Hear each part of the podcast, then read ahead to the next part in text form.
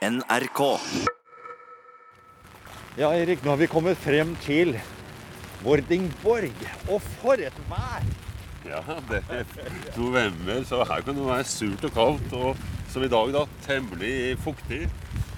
Og nå går vi under paraplyer i en, eh, kanskje en 6-7 sekundmeter. Og vi er oppe på et litt sånn høyt punkt. Og videre nedover den veien, der ligger Østersjø. Ja, fordi at Vordingborg har gjennom dansk mineralhistorie spilt en veldig viktig rolle som utgangspunkt for dansk ekspansjon innover Østersjøen. Og nettopp Østersjøen og hanseatene, pluss Norvegen og Avaldsnes, er det det skal handle om i museum i dag. Og først og fremst 1300-tallet. Det er en tidsperiode som er så full av drama, politikk og spenning at hele Norden er preget av det den dag i dag.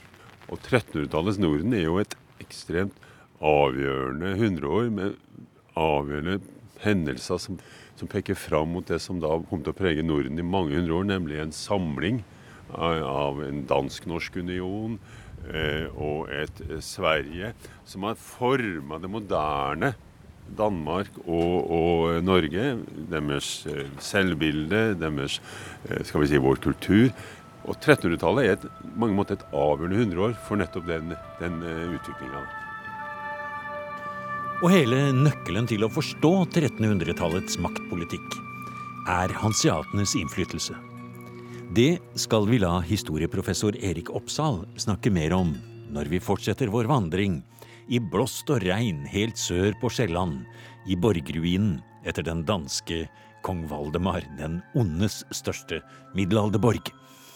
Hanseatene hadde sine handelsruter rundt hele Østersjøen, langs de danske og svenske kystene ut mot Kattegat og Skagerrak, og selvsagt videre oppover i seilingsleia mot nord. Og langs sørvestkysten av Norge kan vi være helt sikre på at en av de viktigste seilingsledene gikk inn i Karmsundet, hvor de hanseatiske koggene kom inn i smult farvann godt skjermet for hardt vær ute i Nordsjøen. Hanseatene ikke bare seila det forbi her, det var en av deres viktige havner, dette her. De den, På veien til Bergen, ja. Ja, de kalte den Notov. Ja, ja. Og det er antagelig Nautøy det kommer av. Ja, og det er masse Det det er flere dokumenter, hanseatiske dokumenter som nevner Notov. Og disse skriftlige kildene viser også at uh, hanseatene hadde bygninger her. Så de har nok uh, omlasting av varer, uh, overnatting, uh, kanskje også en, en viss handelsvirksomhet. Arkeolog Dagfinn Skre har i flere år ledet en stor utgravning av området syd for Olavskirken på Avaldsnes. Og på utgravningens siste dag, høsten 2017, fortalte han til kollega Jan Henrik Ilebekk om hvordan hanseatene ikke bare hadde brukt Karmsundet og Avaldsnes som en viktig mellomhavn på vei til og fra Bergen, men også at det var hanseatiske leiesoldater som herjet og brente den store og flotte kongsgården i stein, i to etasjer og med et eget tårn tett inntil kirken, som hadde blitt bygget av de norske kongene på 1300-tallet. Ingen har visst hvordan denne kongsgården kunne ha sett ut. Om den var av stein eller tre, hvor stor den var, eller om den i det hele tatt var der, før Dagfinn Skre og hans arkeologer fant sporene etter Håkon den sjettes kongsgård. Altså I 2012, da vi så vidt fikk sett hva dette var, så kunne vi se at murverket fortsatte nordover fra denne underetasjen. Ja. Eh, men vi fulgte, hadde bare tid til å følge den muren en meter. Så eh, det var jo veldig spennende i år da, å åpne opp her eh, utover i juni og se hvor, hvor lang denne bygningen var. Og det fortsatte og det fortsatte og det fortsatte og det fortsatte. Så her foran oss ser vi jo gullnivået i førsteetasjen i denne bygningen. Det har vært eh, jo et etasjeskille over underetasjen, Ja, selvfølgelig. vi. Eh, og så ser vi hovedetasjen her. Og Vi kan godt gå litt nærmere der, så bare skal vi se. Ja. Sånn, ja. Så da vi hadde eh, kommet opp hit, så var bygningen altså en 25 meter lang. Ja. Sånn. Eh, så det trodde vi at den var da, sånn i, i begynnelsen av juli. Og her var vi veldig fornøyd, for vi fant et fint ildsted der borte. Vi fant et gullnivå der med Ja. steinlegning. Ja. Og vi fant et fint ildsted der nede. Eh, og på yttersiden der, eh, utenfor muren, så fant vi eh, rester av et privet. Altså en dumpedo. Skjønner. Det var sånn man gjorde på den tiden. Man Ja. bygde, lagde et lite utbygg oppe Ja. i etasjen. Og der en sånn en eh, Det var skåret til, og vi fant rester etter, etter det som man hadde hadde, eh, hadde plassert i, Ja, i ja. Denne, denne, dette private da. Så her var det mye eh, fint og, og morsomt. Eh, Så vi var veldig fornøyd og syntes at dette så bra ut. Vi fant også mye, en hel del i hvert fall, huggen stein her inne. Det er kleberstein som er brukt i, til døromfatninger. Altså til hjørner og buer over dører og, og vinduer. Og ut fra de så kan vi si eh, noe Iallfall argumentere for noe veldig viktig. Og det er at dette, denne bygningen har hatt enda en etasje. Over her, ja. Ja, over her. Ja. Så en underetasje, en hovedetasje med ildsteder og antagelig eh, arbeidsrom, og kanskje også gemakker for presteskapet. Ja. Ja, Denne første etasjen forresten, den har hatt relativt smale vinduer. Tofagede vinduer, søyler i midten, og, og, og vindusåpninger på eh, en 15-20 cm på hver side. Så relativt smale. Temmelig like de som er i Håkonshallens første etasje. ja. Hvordan kan dere lese det ut av de- dette? Vi ser de hugne steinene Ja. som har omfattet disse vinduene. Og, og, på, og så sammenligner vi med andre bygninger fra samme tid, og så ser vi at dette stemmer. Dette ligner eh, de vinduene som har vært i første etasje i Håkonshallen. Men i tillegg så har vi da funnet noen stein som ser ut til å være fra store vinduer. eh, eh, Som Ja. ligner på de som er i koret, korets sydvegg her. Og som ligner også veldig på de som er i, i overetasjen i Håkonshallen. Altså selve, selve hallen. Halvetasjen. Eh, og ut fra det så mener vi at det, denne bygningen har hatt en etasje til, og at det har vært repres et representativt lokale. Ja. Altså kongens eh, hall, og antagelig også gemakker. Fordi at denne bygningen er faktisk mye lengre enn Håkonshallen. Den er ikke, den er ikke bredere. Håkonshallen er eh, om, omkring 17 meter, og denne er eh, vel 10. 10,5. Og i forhold til Håkonshallen i lengde, så I er lengde visst, trodde vi jo at den var 25 meter, men så begynte vi å grave inne på kirkegården, og da viste det seg at den var eh, over 50 meter. Oh, ja. Og Så Håkonshallen det er sju- fortsetter videre? Ja, ja, det gjør det. Ja. Det fant vi ut ute i juli. Ja. Eh, og Håkonshallen er 37 meter, så den, er ganske, den er ganske mye lengre. Så det, det er god plass her. Eh, kongen hadde i, i Håkonshallen så hadde også kongen gemakker i en annen bygning, men han hadde tilgang til dem fra denne hall, den halvetasjen øverst. Eh, her vil det ha vært rimelig å ha kongelige gemakker i overetasjen.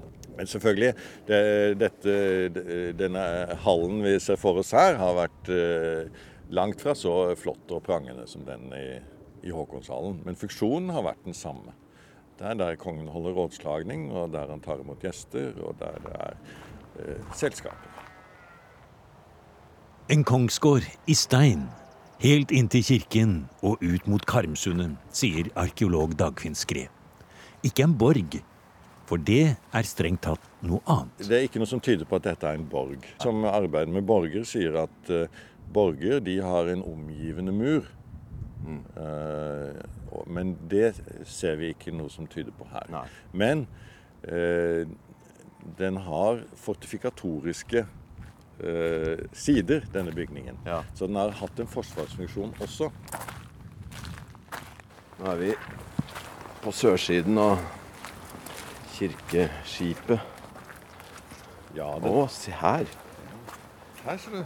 Oi, Ja. det var Ja, det, Det er, det er nederste del av en portal. Ja. Eh, Med huggen kleberstein og eh, søylebaser på hver side. Og litt sånn begynnelse på søylen på den Ja. ene siden er bevart. Og det er eh, inngangen til det vi mener er et tårn. Og et sånt tårn, det har en fortifikatorisk funksjon. ja. Det, for der, eh, på toppen der vil det Altså for det første, det er sannsynligvis et inngangstårn. For vi ser det stikker lenger ut Ja, eh, på, mot sjøen. Ja. Eh, og der midt på, der er murverket veldig dårlig bevart, så er, vi ser det ikke. Men hvis det er som normalt, så vil det der ha vært en inngang fra hovedinngangen til denne bygningen og til anlegget fra, Ja, fra sjøsiden. Fra sjøsiden. Ja. Og så vil det fra dette tårnrommet eh, ha vært en inngang inn i resten av bygningen sydover. Og så ser vi her eh, det, det, det, Den har vi heller ikke funnet. Det står kjempesvær rot der, og murverket er også veldig dårlig bevart. Ja, Den skal nok fjernes, men det har bare ikke vi maktet nå. Men, eh, og så ser vi rett foran oss her eh, den tredje inngangen, som har vært inn mot gårdsplassen, eller fra gårdsplassen og inn i tårnrommet. Så er det også, og den, den har vi rester av, en inngang eh, nordover Ja, mot koret. Og den smale døra. Ja, og der må det ha vært en overbygd tregang eh, i, imellom der.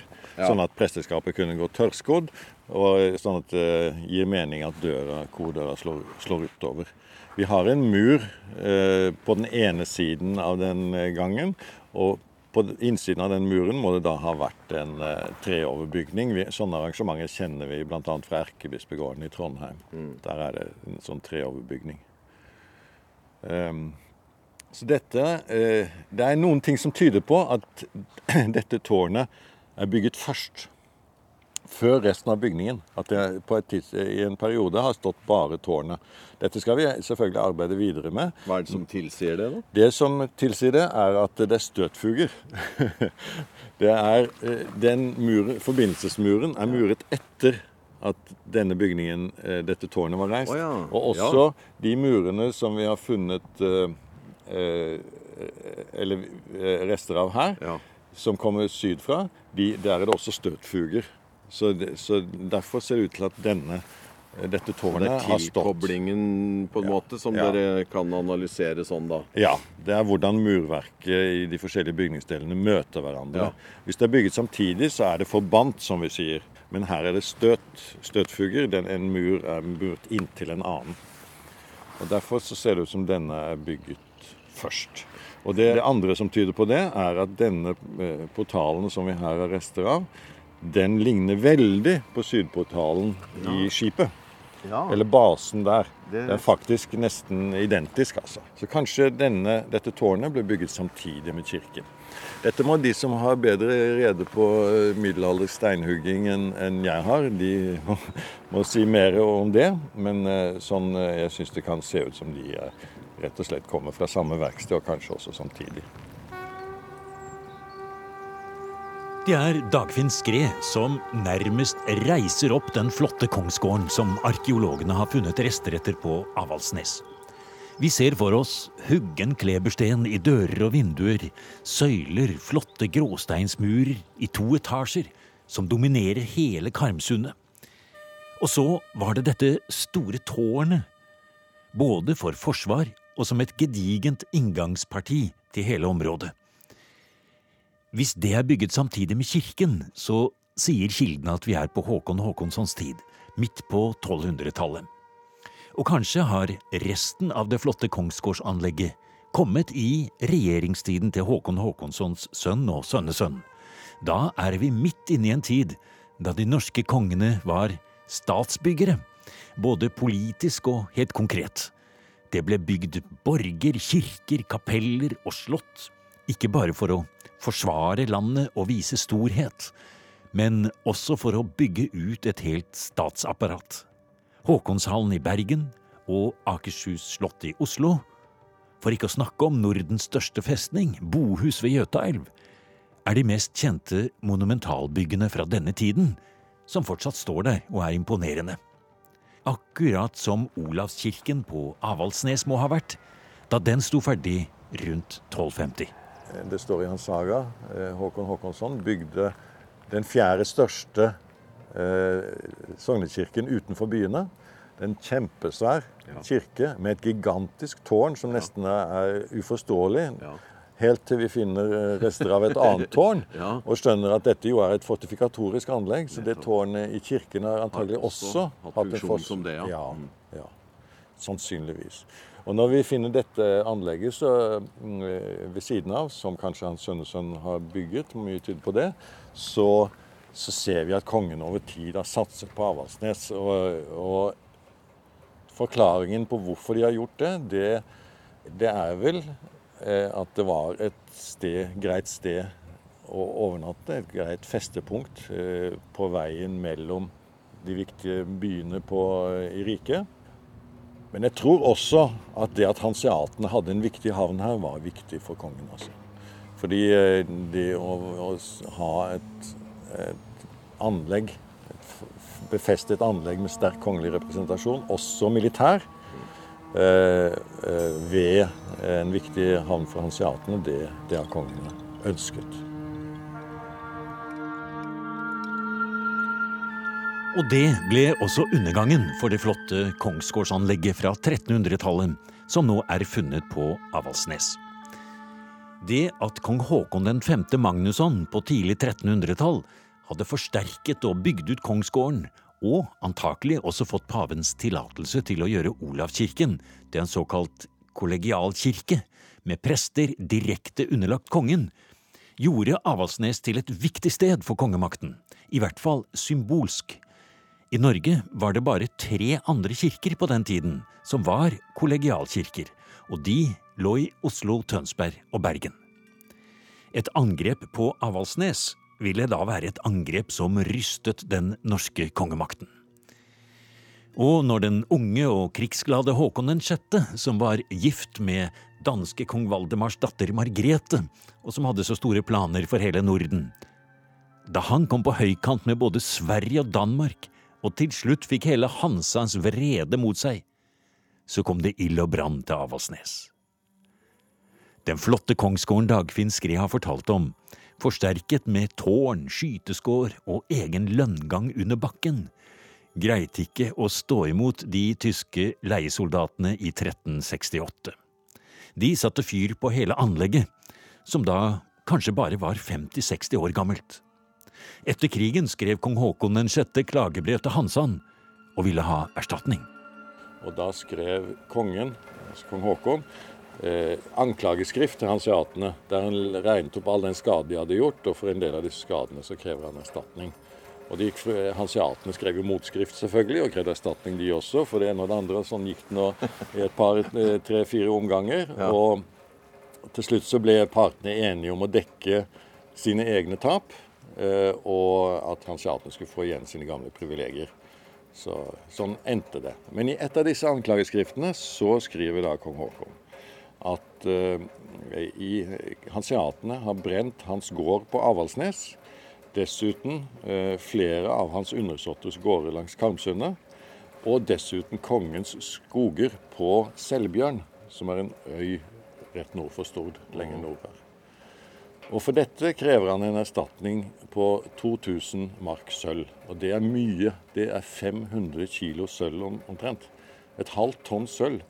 Og det har vært litt uforståelig hva, hva, hva er det kongens ja. gårder og skoger Hva er det for noe som kan ha en så høy verdi? Mm. Vel, nå skjønner vi det. Ja. Det er denne svære bygningen her de har brent. Akkurat. Og vi finner også spor etter brann. Den har nok blitt ryddet ganske godt eh, og forsøkt tatt i bruk etterfølgende.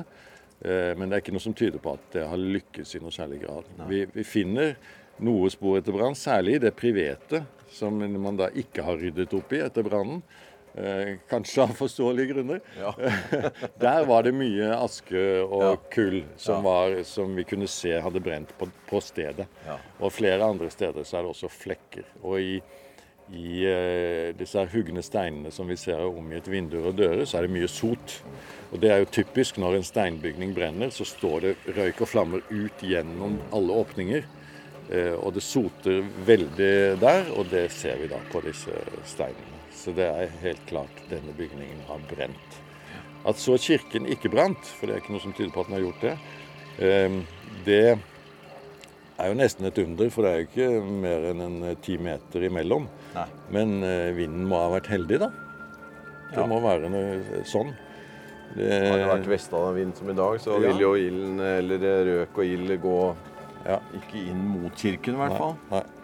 Og Hanseatene hadde vel ingen interesse av å brenne kirken. Det var jo kongens gård de var ute etter å, å ramme. Og her Erik, er vi midt inne i vår periode. Vi er altså på halsen. Ja, nå, nå. Idet de fikk den mot seg, så brøt muren sammen. Og vi er midt inne i en krig her. De skyter frem og tilbake. Og vi har fått et hull i muren her.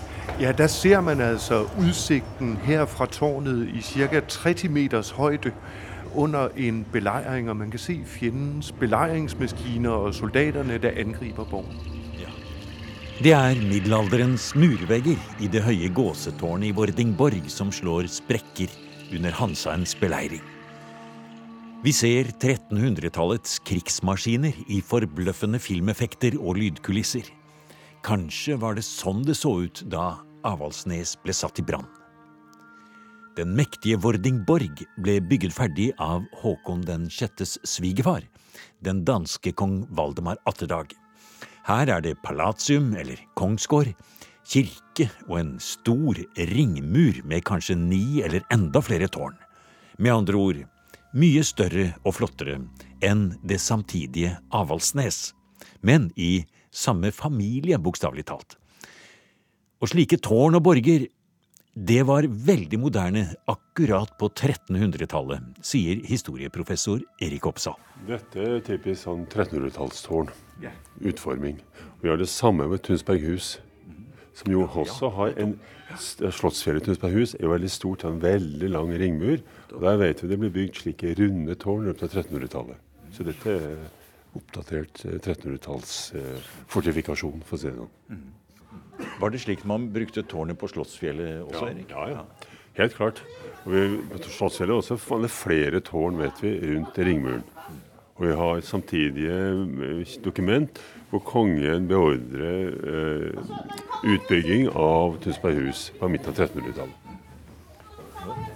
Da har vi Marstrand, da har vi Bohus, da har vi Tønsberghus. Så svinger vi rundt Agderfylkene og kommer opp og skal ta fatt på Nordveggen. Og kommer inn i Karmsundet. Ja, og da har vi jo Karmsund og Alses som en viktig, nærmest innfallsporten til nordveien, den veien nordover, skipsleia og videre mot kanskje det viktigste av hanseatene, nemlig Bergen. Eh, Og finner du mye spor etter Avaldsnes i de historiske kildene fra den tiden? Ja, det er interessant, for det vi har da i de, store, de mange forhandlingene mellom kong Haakon 6., den norske kongen, og hanseatene under etter krigen på 1360-tallet, så setter kongen fram flere klager over hanseatenes overgrep. Og Da er det påfallende mange klagepunkt som vedrører Karmsund og til dels også Avaldsnes. Altså at hanseatene har herja og brent i området der flere ganger. Det er faktisk Karmsundet, Avaldsnes, området der, og Bohuslenskysten, som er de to mest nevnte stedene hvor hanseatene faktisk har eh, herja, som kongen klager over. Så Deres mål er å føre en politikk som sikrer deres interesser som handelsbyer, og deres handel som gir dem både rikdom og innflytelse. Og deres interesser, Hansans interesser, det er jo å rette seg minst mulig etter nær sagt forordninger som er gitt i de forskjellige landene. Og da tenker vel noen kanskje ja, det er vel toll. Men var det mye toll i Norge? Nei, ikke Norge. Den norske kongen eh, la ikke mye toll. Eh, og det er riktig som du sier, altså hanseatene ville da ha en regulering. De påberopte seg retten, i hvert fall målet var å eh, ha en måte, selvregulering. At de skulle sjøl regulere sin atferd, sin handel.